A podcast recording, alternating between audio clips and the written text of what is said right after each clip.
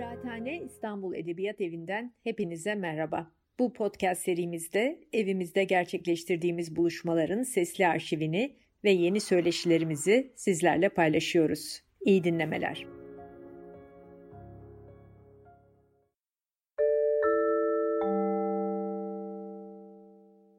Efendim Tarihi Ahval, Ahvali Tarihin ikinci sezon ilk bölümüne hoş geldiniz.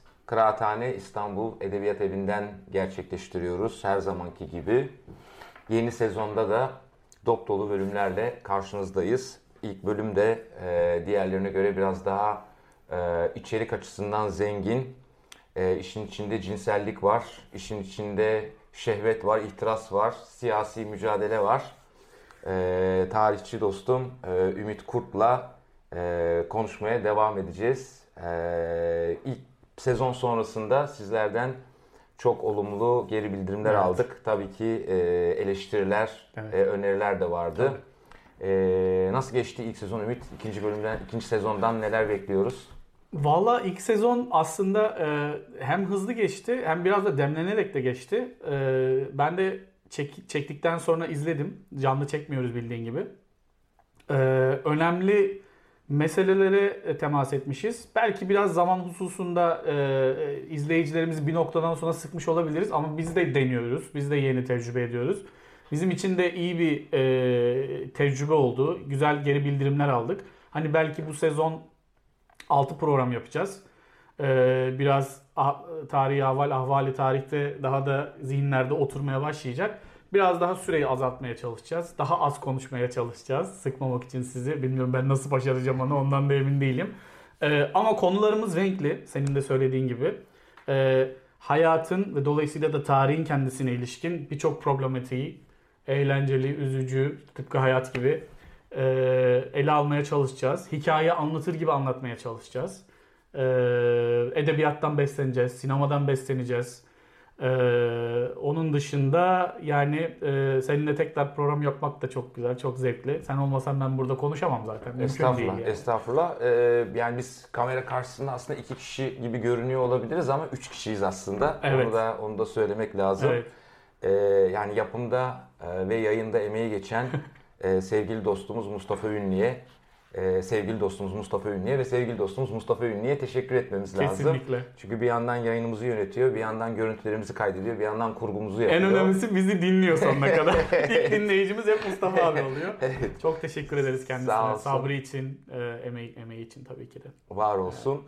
Ee, dediğim gibi böyle e, dop dolu bir konu. Evet başlayalım işin abi. İçinde cinsellik var, işin içinde e, böyle neredeyse e, gangbangler, orjiler vesaireler var. Osmanlı döneminde geçiyor, Ada Pazarı'nda geçiyor.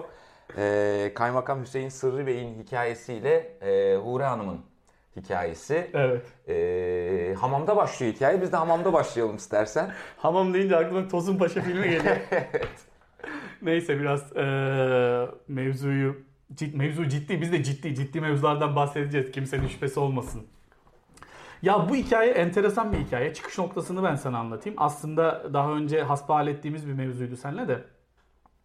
Ben arşivlerde e, çalışıyorken e, başka bir konuyla ilgili e, arşivler şöyledir. Yani bir başlık girersin ya da bir isim girersin katalog e, ve kataloglarda onlar e, ne ararsan çıkar arama motoru gibi. O, e, baş alakasız bir mevzuyla ilgili çalışırken e, bir anda işte bir Ermeni millet hamamında e, tarihine de bakayım yanılmamak için.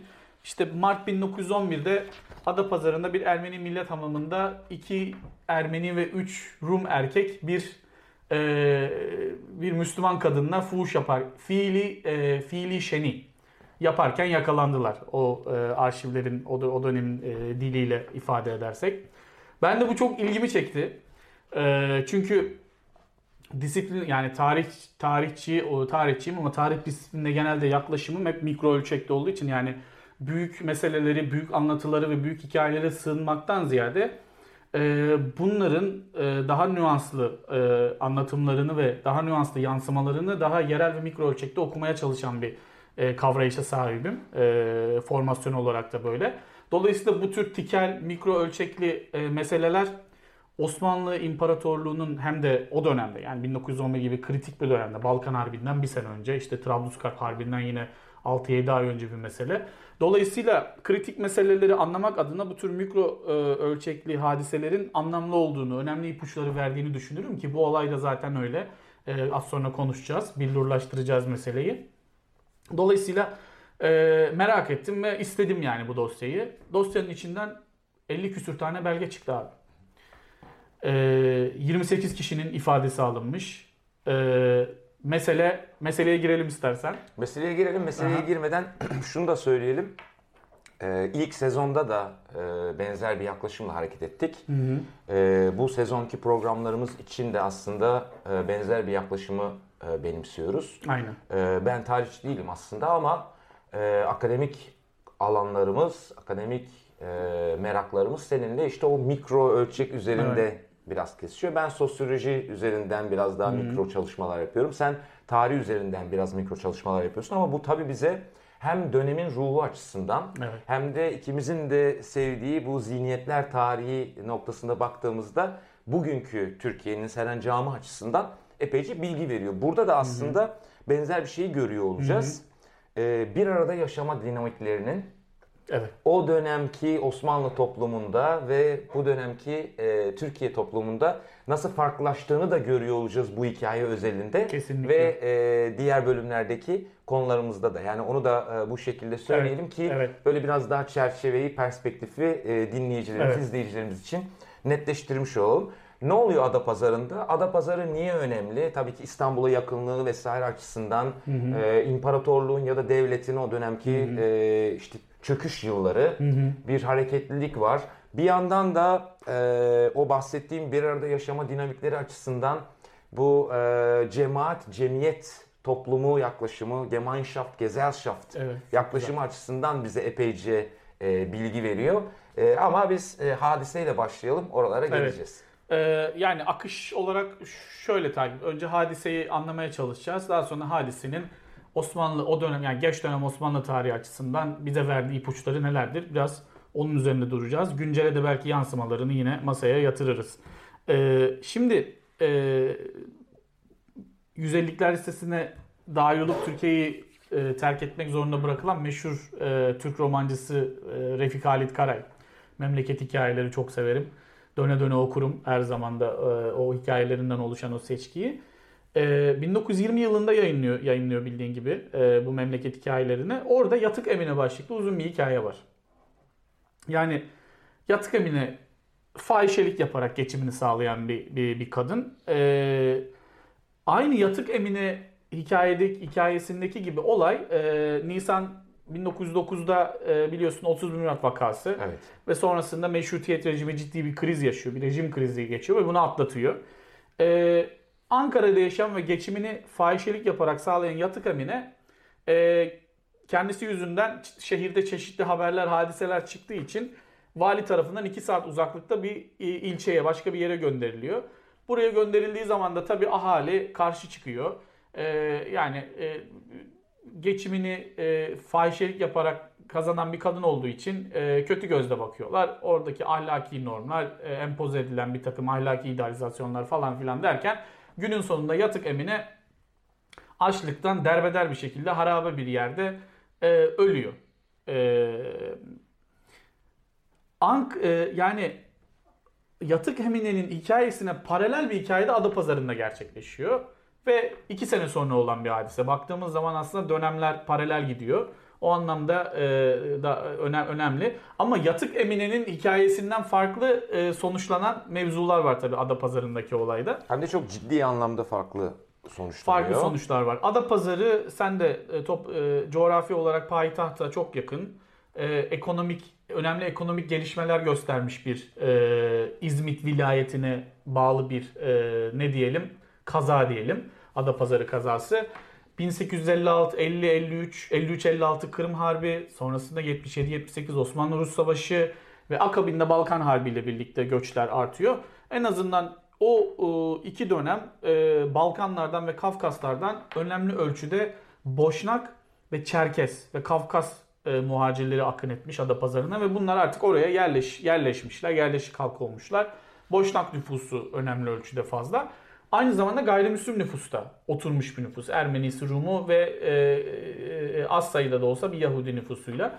19. yüzyılın e, sonlarında Adapazarı e, ciddi ekonomi gelişme, gelişim göstermiş. E, toplumlar ve cemaatler arasındaki iletişim kanallarının açık olduğu, bunlar ekonomik, sosyal ve kültürel alan, alan, alanlarda bilhassa böyle bir coğrafya. Aslında çok etnili, çok kültürlü ve çok dinli bir coğrafya bu anlamda. Ne oluyor? Burada 1 Mart e, 1911'de e, pardon 25 Şubat 1911'de 25 Şubat 1911'de bir akşam Adapazarı'nda bir Ermeniye ait olan yani Ermeni millet hamamı olarak tabir edilen bir hamamda 3 Rum, 2 de Ermeni erkek Müslüman ve boşnak ve fahişe. Bunun altını özellikle çizmek istiyorum. Hayatını fuhuş yaparak, geçimini fuhuş yaparak kazanan bir kadın bu. Ankaralı Hure.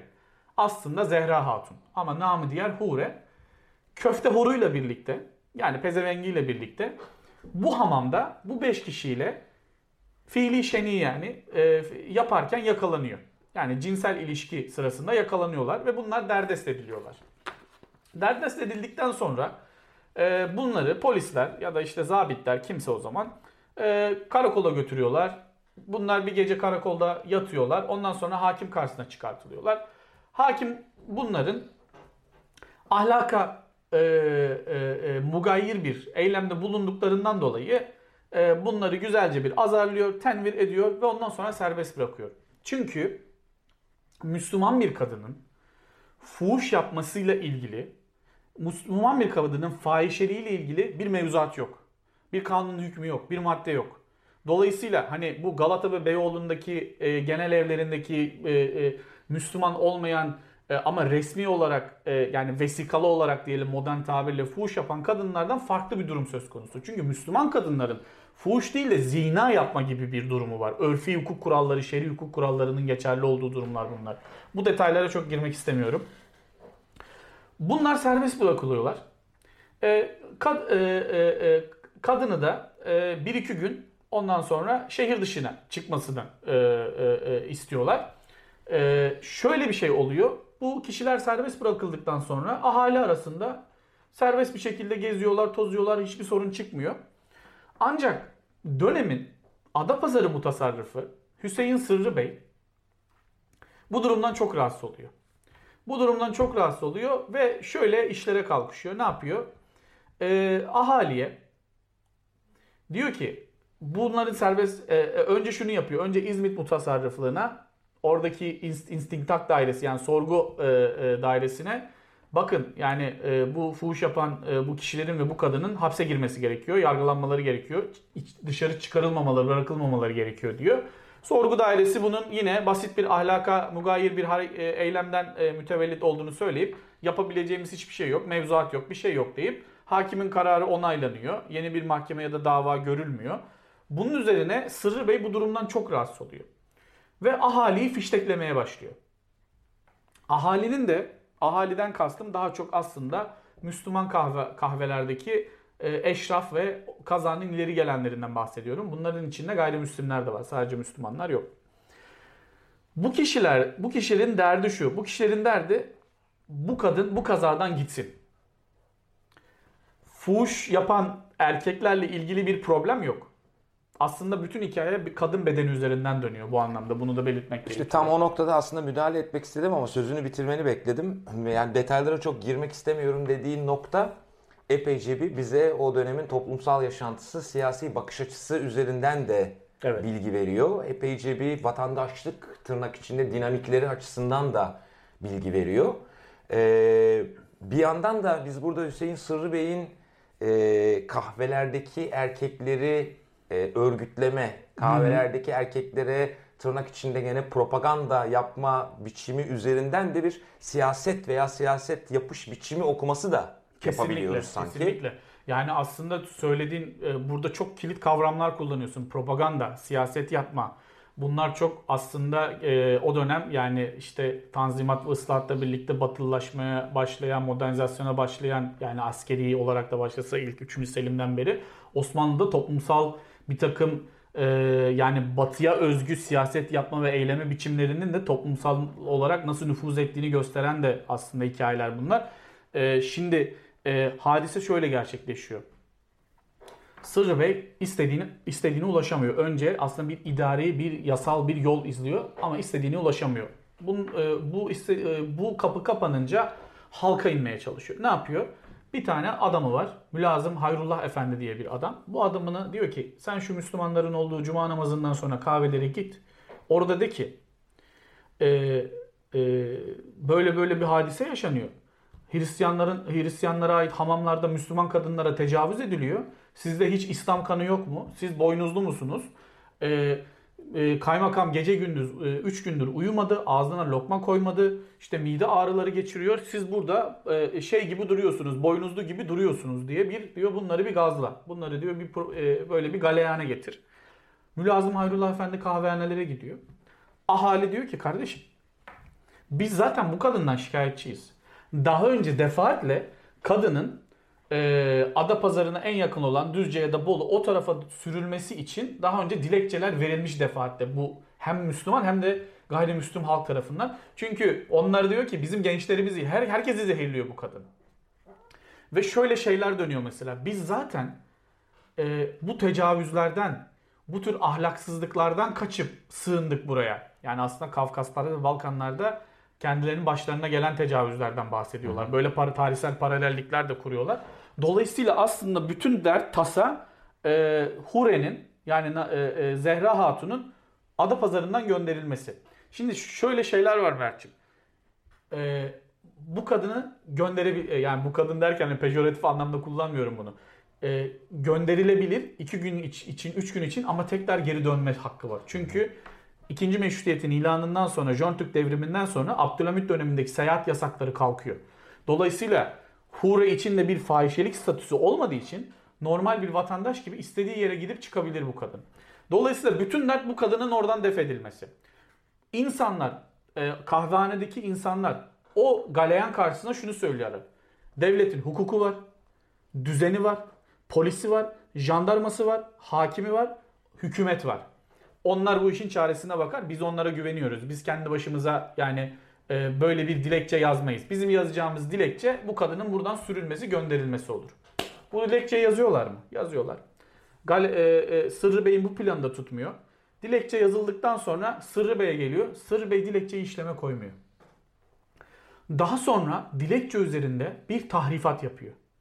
Bu kısım bu kısım önemli. Şimdi tekrar e, altını çizelim. Bu dilekçede neyi ifade ediyor e, oradaki yerel Ahali, halk? yerel halk e, bunların kimlerden müteşekkil olduğunu da söyleyelim. Bu yerel halktan kastım aslında oranın ileri gelenleri. Eşraftan, ayandan kişiler bunlar.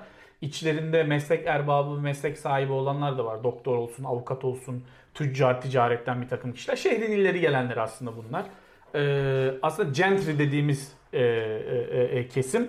Bunların istediği şu. Biz e, gençlerimizin Müslüman ve e, gayrimüslim gençlerimizin ahlakını, bedenini ve ruhunu zehirleyen bu kadının buradan gönderilmesini istiyoruz diyorlar. Peki. E, Hüseyin Bey bunu niye işleme koymuyor? Bu dilekçeyi niye işleme koymuyor? Hüseyin Bey'in bu dilekçeyi işleme koymamasının çok çeşitli sebepleri var. Öncelikle nasıl e, e, tahrif ettiğini söyleyeyim. Hüs, e, Hüseyin Sırrı Bey bunun üzerine dilekçede şöyle bir tahrifat yapıyor iki Ermeni, üç Rum bir Ermeniyat millet hamamında Müslüman bir kadına tecavüz ederken yakalandılar. Eğer biz bu kişileri e, mahkemeyle e, e, e hapset koymazsak Ada pazarında Nisan 1909'da Adana'dakine benzer hadiseler çıkabilir diyor. Burası çok önemli. Evet. Bir, e, Hure Hatun'un aslında bir seks işçisi olduğunu Bravo. çıkartıyor, Bravo. göz ardı ediyor. Evet. İkincisi bunu bir tecavüz gibi gösteriyor. Evet. Üçüncüsü de bunu yakın dönemde yaşanmış ve duygusal etkisi olan ciddi anlamda hafızalarda siyasi, hala bir evet, hayli taze olan. Tabii toplumsal hafızada da yeri olan başka bir olaya e, denk gösteriyor, eş gösterebiliyor. Hı hı. E, veya o şekilde bir etkisi olabileceği üzerinden bir e, duygusal manipülasyon yapıyor. Kesinlikle. Duygusal manipülasyon çok güzel bir ifade oldu. Aslında hem o dönem İstanbul'daki İttihat ve Terakki hükümeti ve iktidarı tam mutlak iktidar olmasa da hükümeti diyelim. Sadrazam İbrahim Paşa var o dönem hükümette. Ama İttihat ve Terakki meclis içinde güçlü ancak ciddi bir muhalefet de var. Onun dışında İttihat ve Terakki'nin kendi içinde de ayrışmalar var. İşte Selanik ayağı, Makedonya, işte İstanbul ayağı ve bir de tabii ciddi bir Arnavut ekibi var biliyorsun İttihat ve Terakki'nin içinde. Burada bir ciddi iktidar çatışması dönüyor. Bir taraftan da İttihat ve Terakki bununla uğraşıyor. 30 Murat vakasını bastırdıktan sonra. Ciddi bir İstanbul'da siyasi aslında bir karmaşa da var ve çekişme de var. Şimdi Adana meselesi şöyle, e, Adana olayı, Adana katliamlarını burada girmiyor. O ayrı bir fasılla belki konuşuruz. Ancak aslında Sırrı Bey hatırlanılması istenmeyen, e, en korkulan şeyi hatırlatarak, gündeme getirerek bir anlamda hem iktidarın gözünü kulağını Adapazarı'na dikkat çekmesine hem de bu kişilerin o anlamda e, gerçekten hapse girmesi için böyle bir şey ortaya atıyor. Aslında e, İttihat ve Terakki'nin hiç istemediği, gerçekleşmesini, vuku bulmasını bir daha istemediği bir olayı gündeme getirerek dikkatleri o yöne çekmeye çalışıyor. Tabi bir de orada bu türden bir olayı önlemeye çalışan bir devlet adamı portresi de çizmeye çalışıyor. Bu anlamda kendi bürokratik istikbalini de düşünüyor. Peki bunları niye yapıyor? Oraya da geleceğiz ama e, sen girmeyelim dedin de gene de burada ben içerik açısından önemli olduğunu düşünüyorum. En azından kısaca değinebilirsen Adana'da ne olduğuna. Hı-hı. Bu çünkü bir paralellik var orada, bir benzerlik Hı-hı. var ve işte söylüyoruz aslında oradaki hadiselerin e, yaşanmasını istemediğini aslında iddia ederek diyelim evet. yani ya da o şekilde davranarak e, bu olay üzerine bakıyor. E, ne olmuştu Adana'da? Adana'da 1909 Nisan'ında 14 e, Nisan 1909'da aslında tam 13-14 Nisan 30 Mart vakasının İstanbul'da patladığı gün Adana'da Ermeniler ve Müslümanlar arasında bir takım çatışmalar ve yaşanıyor ve Ermenilere yönelik bir takım saldırılar gerçekleşiyor ve pogroma dönüşüyor bu saldırılar. Evet. Adana'daki benzerlik şöyle bir benzerlik de Adapazarı'yla etnik olarak yapısına baktığın zaman o dönem Adana'da Adapazarı'na benziyor. Hı hı. Çünkü bir şey gibi e, e, oraya giden mevsimlik işçiler var, e, Çerkez nüfusu var, Kafkaslar yine göçmenler var, Ermeniler var, Araplar var. E, etnisite ve e, açısından Adapazarı'na o anlamda ben, benziyor. Karmaşık bir yer. Yahudi nüfusu da var yine az sayıda da olsa. Bir melting e, pot gibi aslında. Evet. E, orada e, meşrutiyetin ilanından sonra Ermenilerin hem ekonomik ve özellikle ticari alanda ve kültürel alanda ciddi bir ilerlemesi söz konusu. Ve bunun Ermenilerin e, ekonomik alandaki gösterdiği bu başarılar tabi siyasi bir takım temsiliyet ve e, hak e, şeyi de doğuruyor onlar açısından. Ona tahvil edilebilecek şeyler. Ve burada bir takım e, Ermenilerin e, orada siyasi e, bir takım eylemleri var. Örneğin e, ritüel ve dini bir takım günlerde, bayramlarda bir takım festivaller ve e, şeyler düzenliyorlar ve orada e, Muşek isimli bir din adamı orada e, Ermeni bağımsızlığı yani eski e, eski Ermeni tarihinden kalma bir takım hikayeler, menkıbelere dayalı bir işte bağımsızlık e, şeyi e, günü gibi bir şey düzenliyor, gösterisi gibi bir şey yapıyor. Bu tabii oradaki Müslümanları galeyana getiriyor. Ama esas mesele tabii İstanbul'daki e, İttihat ve Terakki'ye yönelik e, başlatılan irticai dediğimiz bir takım faaliyetler, gerici bir takım hadiseler ama bu da karmaşık hikaye. Çünkü işin içinde Prens Sabahattin Ekim var, Abdülhamit var, Volkan Gazetesi var. Ciddi siyasi e, ayrışmaların ve kutuplaşmaların olduğu bu dönem. Ama bunun yansımalarını Adana'da da görüyoruz. Yani İstanbul'daki bu siyasi karışıklık ve istikrarsızlıktan mütevellit Adana'da da Müslümanlar başına bir takım e, İtilal gazetesi sahibi özellikle o da İttihat ve Terakki mensubu mesela. Onun başını çektiği bir grup Ermeni mahallelerine saldırılar düzenliyor. Ve bu çatışmalar ve bu saldırılar sonucunda 20 bine yakın Ermeni katlediliyor orada. Dolayısıyla e, burada aslında Mutasarrıf Hüseyin Sırrı Bey yani Kaymakam Hüseyin Sırrı Bey şunu söylemeye çalışıyor merkezi yönetime. Burada tabi bunu çarpıtarak yapıyor. Yani burada e, Ermeniler ve Rumlar bir Müslüman kadına tecavüz ettikleri için hı hı. Müslümanlar tarafından Ermeniler ve Rumlara karşı bir şiddet hadisesi, bir evet. pogrom yaşanabilir. Evet. Evet. Dolayısıyla bunun önüne geçmemiz lazım diyor oluyor. Evet. Buna itirazı en başta oranın yerleşik Müslüman ve gayrimüslim halkı karşı çıkıyor. Nasıl oluyor? Bu dilekçeden haberdar oluyor bir insan. Bir bakıyorlar aa ulan bizim yazdığımız dilekçe bu değildi. Bunun üzerine hem ilk dilekçede imzası olanlar hem de birkaç kişi daha 28 kişiden mütevellit bir şehrin ileri gelenleri Sırrı Bey'i hem Meclis-i Mebusan Riyaseti Celilesine tam adını söyleyeyim hem de Dahiliye Nezaretine yani İçişleri Bakanlığı'na şikayet ediyorlar. Bu adam gayri meşrutiyet perver bir kaymakamdır. Bir devlet adamıdır. Burada Müslümanlar ve Hristiyanlar arasında bizim diyorlar istibdat döneminde yani Abdülhamit döneminde bile bizim aramız iyiydi. Bizim ilişkilerimiz gayet hüsnü birbirimizin arasında e, bir problem yoktu. Dolayısıyla burada ortalığı karıştırmaya çalışan, bizi galeyana getirmeye çalışan, provokasyon yapmaya çalışan ve anayasal düzenin dışına çıkmaya çalışan bir devlet e, bir görevli var, bir memur var. E, bununla ilgili gerekli işlemlerin yapılmasını istiyoruz diyor. İkinci bir şey şu. Sırrı Bey'in yediği orada başka herzeleler de var. Aslında bu kişiler bu fuş hadisesini hadisesini onlar da aslında kullanarak Sırrı Bey ile bir çeşit siyasi hesaplaşmaya da giriyorlar. Nedir bu Sırrı Bey'in diğer onlar nezdinden illegal faaliyetleri?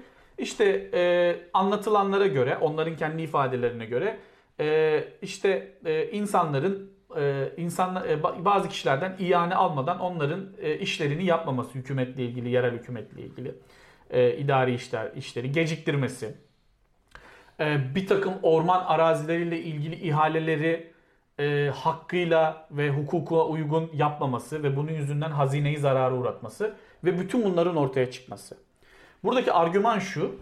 Aslında Sırrı Bey e, bir bir kaymakam olarak İttihat ve Terakki'li aynı zamanda bir kaymakam olarak e, e, görevini kötüye kullanmış. Bunlar da ortaya çıkmış. E, bürokrat kendi bürokratik istikbaline zarar gelmesin, gelmemesi için aslında bu fuhuş hadisesini o da kullanıyor. Yani kendi açıklarını kapatmak için bir anlamda e, işin içine e, bu hadiseyi böyle saçaklandırarak Adana katliamlarını da işin içine sokarak aslında diğer e, e, e, kendi devlet memuriyetine uygun olan, uygun olmayan eylemlerini üstünü kapatmaya çalışıyor. Bu kişiler e, buraya bu 28 kişi e, kazaya bir müfettiş gönderilmesini istiyor. Meclis ve dahiliye nezareti konuyu ciddiyetle yaklaşıyor ve kazaya olaydan 2 hafta sonra bir müfettiş geliyor ve o dilekçenin altında imzası olan 28 kişiyle mülakat yapıyor. Yani o zaman şunu mu görüyoruz o dönemde?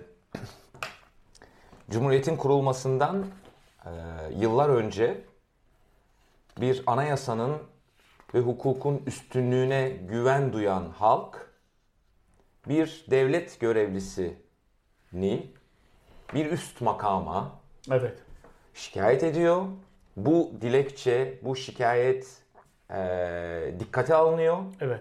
Ve bunun üzerine bir işlem başlatılıyor. Bir evet. soruşturma başlatılıyor. Evet. Ve bunu anayasal meşruti düzeni, anayasal monarşi ya da o düzeni korumak adına yaptıkları, onu muhafaza etmek adına yaptıklarını ya da en azından o düzene halel getiren bir devlet görevlisine karşı bunu yaptıklarını söylüyorlar. Yani dolayısıyla bir tarafta meşrutiyet perver bir e, halk, Müslim gayrimüslim, bir tarafta da gayrimeşrutiyet perver onların gözünde bir devlet görevlisi. O devlet görevlisi kim? Meşruti rejimin kendisini getiren siyasi yapının bir parçası.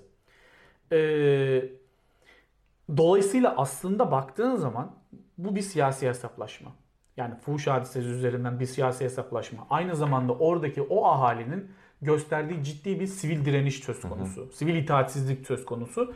Ve ve siyasi iradenin o insanların siyasi temsiliyet, siyasi katılım ve siyasi irade kullanmaları söz konusu. Ee, bu tabii meşruti rejimin yani Jön Türk devriminin getirdiği yeni e, bir şey bu özgürlük ortamı göreceli de olsa. E, ancak e, bize şeyi gösteriyor bu.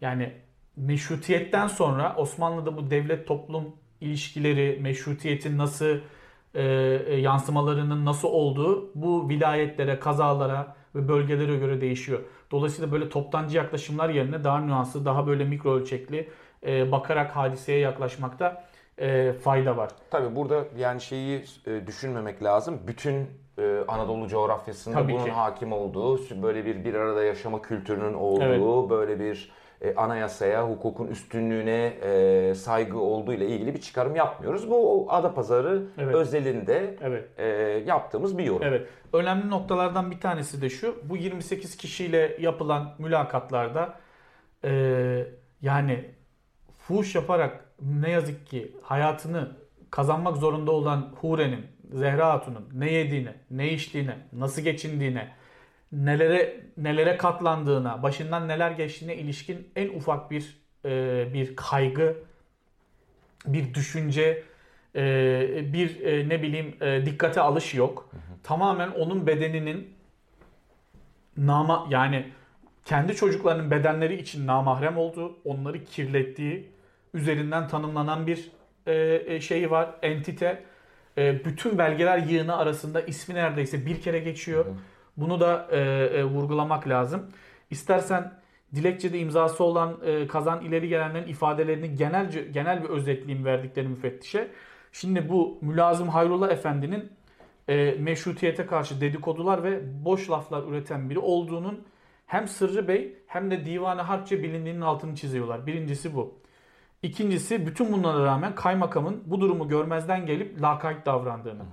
Kelimeler hakikaten böyle. Yani e, tamamen siyasi, tamamen bir pozisyon alış ve bir temsiliyet üzerinden e, kendilerini ifade ediyor bu e, bu toplum, iki toplulukta. E, daha sonra Hayrullah Efendi'nin e, bir ifadesi var. O ifadenin Sırrı Bey'in e, gönderdiği telgrafın daha yani kendi tahrif ettiği telgrafın mealini destekler nitelikte olduğunu da söylüyorlar. Şimdi ahaliye göre fahişeli cümle alem tarafından bilinen birisi yüzünden katiyen beynel anasır galeyan olmaz. Yani unsurlar arasında bir çatışma, bir ayrım olmaz. Hal böyleyken Sırrı Bey bunun tam tersini göstermek istiyor. Ve dilekçede imzası olanlar az önce söylediğim gibi Abdülhamit döneminde bile Hristiyanlarla iyi geçindiklerini ve şimdiye kadar aralarında herhangi bir olay vuku bulmadığı halde kaymakamın bu şekilde bir söylenti yayarak ve Müslüman cemaati Hristiyanlara karşı galeyana getirerek iki cemaat arasında kötü bir hadisenin çıkması için zemin hazırladı görüşündeler. Ee, az önce de söyledim. Müfettişin diğer önemli sorusu meşruiyeti tehlikeye atacak başka vukuatları var mı diyor. Var diyorlar. Mesela e, bütçe haricinde herhangi bir memurun para tahsili yapması kanuna aykırı. Bunu yapıyor. Marif namı altında aşar mültezimleriyle orman müteahhitlerinden para almış.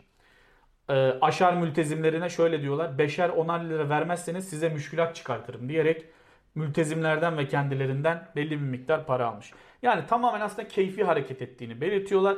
Şöyle diyorlar istediği kadar alıyor ve hiç kimsenin bu paranın tahsil ve sarfından malumatı yoktur diye e, geçen e, ifadeler aslında çok detaylı. Burada e, e, ilginç bölümler de var söyleyebileceğim.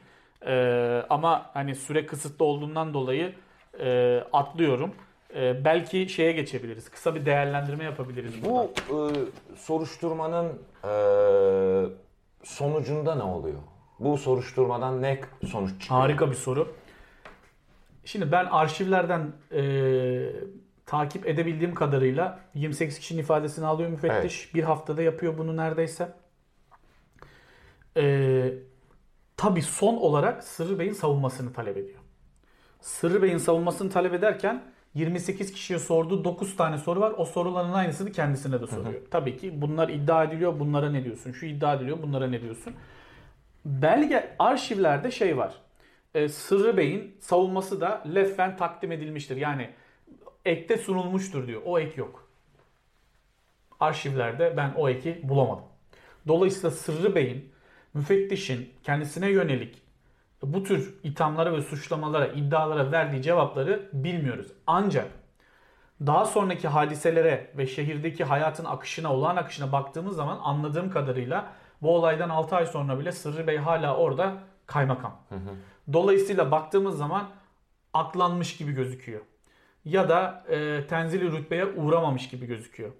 E, şimdi e, esas itibariyle bunun bununla ilgili bir takım spekülatif argümanla e, spekülatif şeylerde bulunabiliriz e, argümanlarda.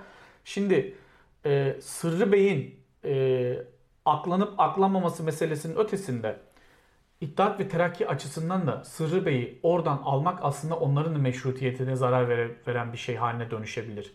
Belki o yüzden Sırrı Bey hala görevinde kalmaya devam etmiştir. Son tahlilde Sırrı Bey'e yönelik bu tür iddialar yani anayasa karşıtı gayri meşrutiyetperver bir mutasarrıftan bahsed e, böyle bir iddia var. E, e, ne bileyim halkı galeyana getirmeye çalışan bir e, e, mutasarrıf e, kaymakam portresi çiziliyor.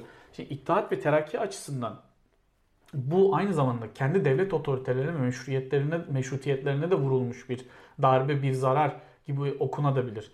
Bu anlamda adamın arkasında durmuş olabilirler. Yani bir devlet refleksi, devlet aklı böyle davran, onları buna e, yönelik bir davranışa itmiş olabilir. Ama hadiselerden anladığımız Sırrı Bey'in görevine devam ettiği ve daha sonra başka bir yere kaymakam olarak atandığı hususunda. Dolayısıyla burada e, varsayabileceğimiz çünkü o e, Sırrı Bey'in e, ifadesine ulaşamadığımız için aslında varsayabileceğimiz iki nokta var. Bir tanesi senin söylediğin e, bir işte kol kırılır yen içinde kalır e, yaklaşımıyla Sanki böyle bir e, refleks. evet. olayın üstünü örtmek. Evet. İkincisi tabii onun da en az ilki kadar muhtemel e, Sırrı Bey'in suçsuz bulunmuş olması. E, Sı- Sırrı Bey'in bu e, suçlamalardan e, aklanmış olması. gibi. Ya bu hadisenin e, yani bu Adapazarı'ndaki bu fuhuş, fuhuş olayı ve etrafında yaşanan gelişmeler, Müslüman ve Hristiyan ahalinin buna gösterdiği tepkiler aslında bu bize Adana'dakine benzer bir şiddetin imkansızlığına ve bunun tecelli etmeme ihtimalini önemli bir örnek teşkil ediyor.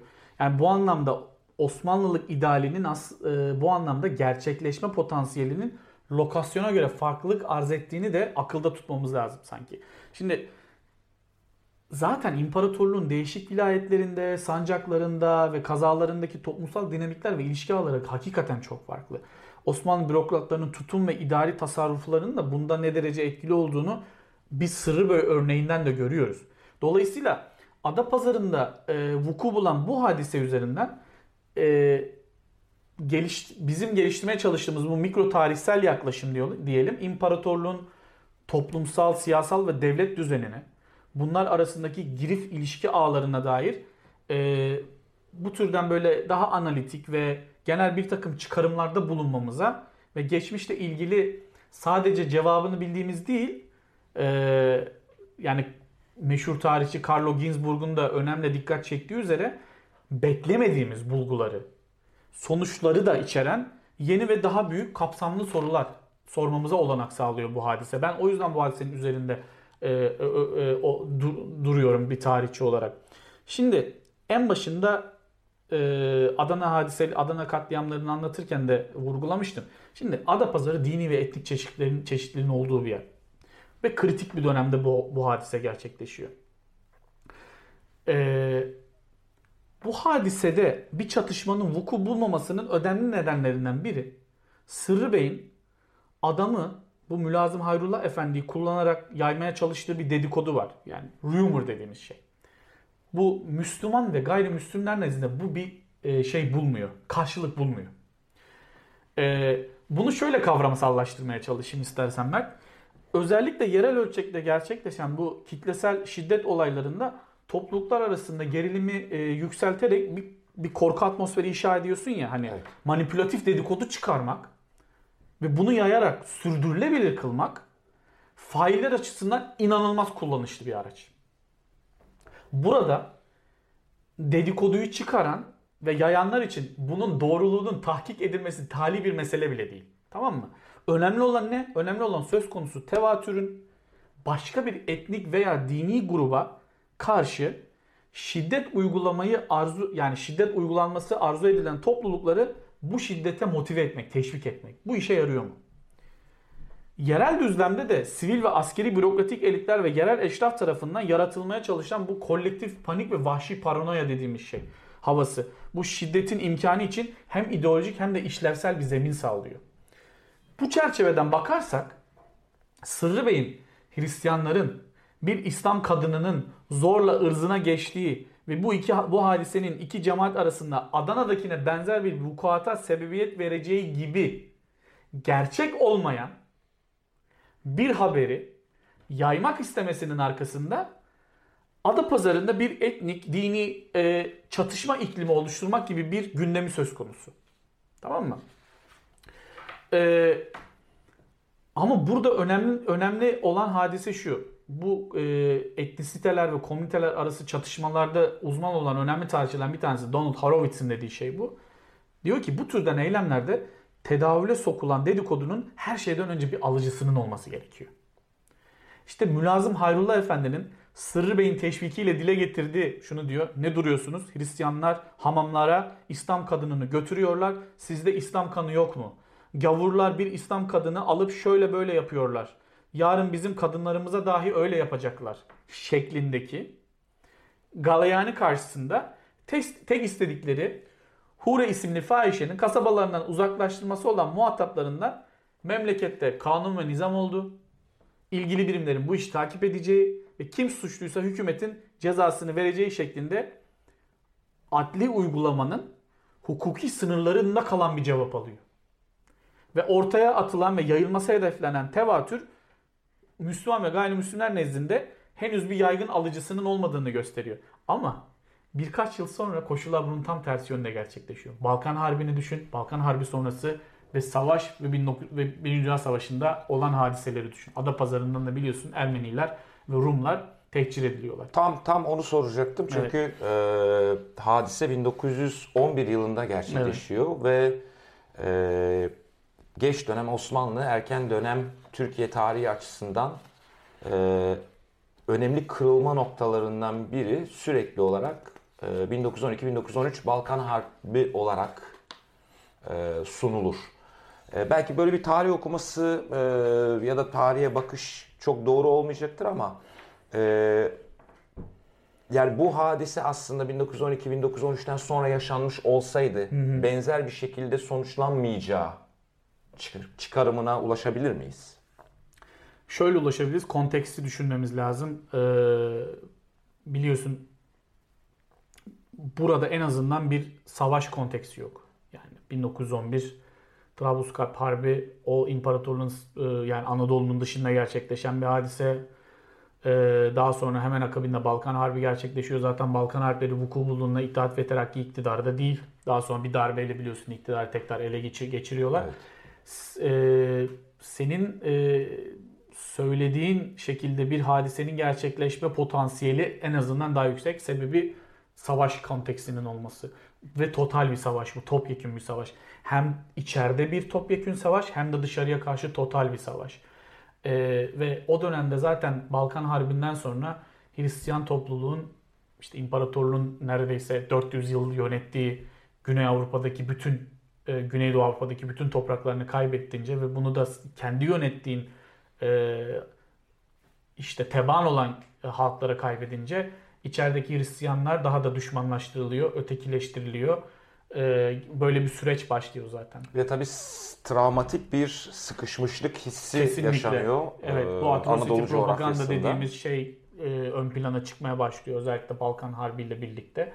E, yani e, siyasal toplumsal e, konteks hakikaten 3 yıl öncesinden çok farklı. O nedenle dedim yani birkaç yıl sonra hadiseler yani 1911'de alıcısı olmayan o galeyanın, o provoka, o tevatürün 1913'te neredeyse bir tevatürler, bir dedikodular pazarı marketinden bahsediyoruz. Yani bunun bir industrisi oluyor artık yani baktığın zaman. Çünkü zaten herkesin ayranı kabarmış durumda deyim yerindeyse. Herkes onu kabullenmeye ve bunun üzerinden iş, marifet görmeye hazır durumda. Ee, Balkan Harbi tabii ki kritik bir dönemdir. Özellikle imparatorluğun bünyesindeki Müslüman ve gayrimüslim halkların e, ilişkileri açısından. Ama ben yine de e, e, imparatorluğun bütün satına yayılmış bir kopuştan bahsetmenin çok tarihsel e, bir değerlendirme olduğu kanaatinde değilim. Bence yine Adapazarı örneğinde olduğu gibi ölçeği daraltıp mikro hale getirip bakmakta fayda var o ilişkileri anlamak açısından. Farklılıkları yani benzerlikler üzerine çok fazla vurgu yapıldığında farklılıklar biraz göz ardı ediliyor evet, oluyor. Evet. Yani şöyle şimdi Adapazarı örneğinde net bir şey var. Biz detaylarına çok giremedik. Bu iki topluluk arasında güçlü bağlar var ve öteden beri gelişen artık yerleşmiş komşuluk ilişkileri var. ekonomik ve ticari alandaki bu yüz yüze etkileşimler de çok etkili. Sonuçta aynı pazar yerinde e, yan yana dükkanlarda ya da karşı karşıya dükkanlarda iş yapıyorsun. Ne bileyim sen bir şey almaya geldin bende yok ama ben seni Yorgo Efendi'ye gönderiyorum. Ya da başka bir e, e, bir Yahudi tüccara ya da Ermeni tüccara gönderiyorum. Bu yüz yüze etkileşimler e, bunlar çok spesifik sosyal ve politik dinamiklerdir. Ve bunlar e, ada pazarı ölçeğinde Adana ve çevresinde de e, çevresindeki benzer yerel şiddet eylemlerini engelleyici bir sosyal kapital. Hı hı. Ve müşterek bir sosyal ve siyasal etkileşim alanının varlığını işaret ediyor. Biliyorsun bu tür hadiselerde e, tek bir kişinin bile bir cümlesi e, o şiddetin doğmasına, patlamasına ve aynı zamanda geri çekilmesine yeter de artar bile. Az önce yani bahsettiğim bu türden bir sosyal kapitalin olması, komşuluk ilişkileri, ticari ilişkiler, yüz yüze etkileşimlerden mütevellit bu türden e, Adana'dakine benzer bir şiddet eyleminin ve ortamının aslında e, doğmasına, patlamasına engel teşkil ediyor. E, Peki burada yine payitahta yakınlık bir etken midir? Bu da önemli bir etken. Payitahta yakınlık şöyle. Şimdi Adapazarı İstanbul'a yakın doğru. Dolayısıyla e, orada bir hadise çıktığı zaman ikti, e, o, yani İstanbul'daki iktidar ya da hükümet neyse daha çabuk müdahale, edebilir, müdahale edebilir. Adapazarı tabii şey açısından önemli. Konsoloslar, yabancı konsoloslar fazla Avrupa'nın gözü üzerinde e, ve sen de sonuçta yani 1908 devriminden sonra e, baktığın zaman o devrim e, Fransızlar, İngilizlerin desteklediği falan bir devrim en az yani kağıt üstünde. Dolayısıyla e, toplumsal düzenin ve siyasi istikrarın bozulmaması adına Adana hadiselerinden sonra bilhassa 30 Mart vakası ve Adana hadiselerinden sonra onu onun sağlam durduğunu göstermek adına da böyle bir hadisenin çıkması bir siyasi düzenin, bir siyasi iktidarın isteği, istediği en son şeylerden biri olabilir. Burada şunun altını çizeyim. Şimdi ben Adana hadiseli, Adana katliamlarında İttihat ve Terakki'nin rolü olup ol, rolü ol, %100 rolü yoktur diye bir şey ileri sürmüyorum. Ancak şunu söylemeye çalışıyorum.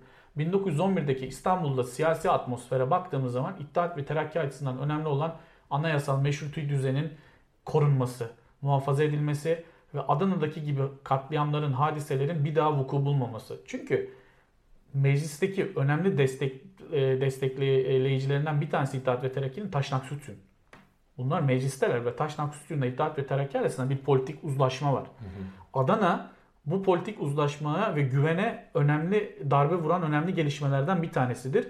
Ve Adana katliamlarından sonra bu hadiselerin soruşturulacağı, komisyon kurulacağı, e, bu hadiselere karışanların yargılanacağıyla ilgili İttihat ve Terakki Taşnak Sütü'ne garanti verir ve ondan sonra siyasi uzlaşma bu iki grup arasında devam eder.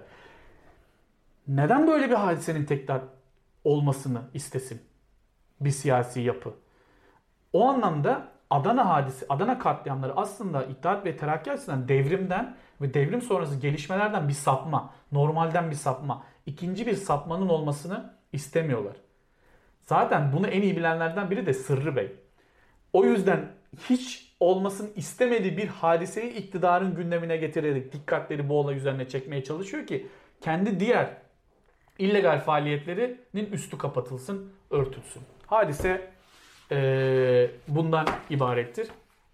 Adapazarı'nda e, ki bu fuhuş hadisesi üzerinden bu anlamda aslında şeyi de görmüş oluyoruz. Bu iddiati anasır dediğimiz, Osmanlılık dediğimiz idealin yani Osmanlı İmparatorluğu'nu teşkil eden unsurlar arasındaki adalet, hukuk önünde eşitlik. E, bunun biz e, Adapazarı ölçeğinde yine gerçekleşme ihtimal ve potansiyelinin de olduğunu görüyoruz. En azından buna sahip çıkmaya çalışan bir siyasi irade olduğunu görüyoruz. Hem Müslümanlar hem de gayrimüslim cemaat ve topluluklar açısından. En azından 1912-1913 çe kadar belki de. Çe kadar evet. evet. Ondan sonraki gelişmeler zaten bambaşka olaylara gibi. Peki gene e, değişik neredeyse tüm e, siyaset bilimi e, ve tarih historiografya, tarih yazımı İç geçti. E, disiplinlerinin temel kavramlarına değindiğimiz böyle kitapların sonundaki bir indeks çıkarılsa vatandaşlık, propaganda, e, siyaset, e, e, başlıklarının olduğu evet. e, keyifli söz verdiğimiz gibi e, dop dolu evet. e, bir bölümle e, başlamış olduk. Ee, ikinci bölümde görüşmek üzere. Herkese teşekkürler.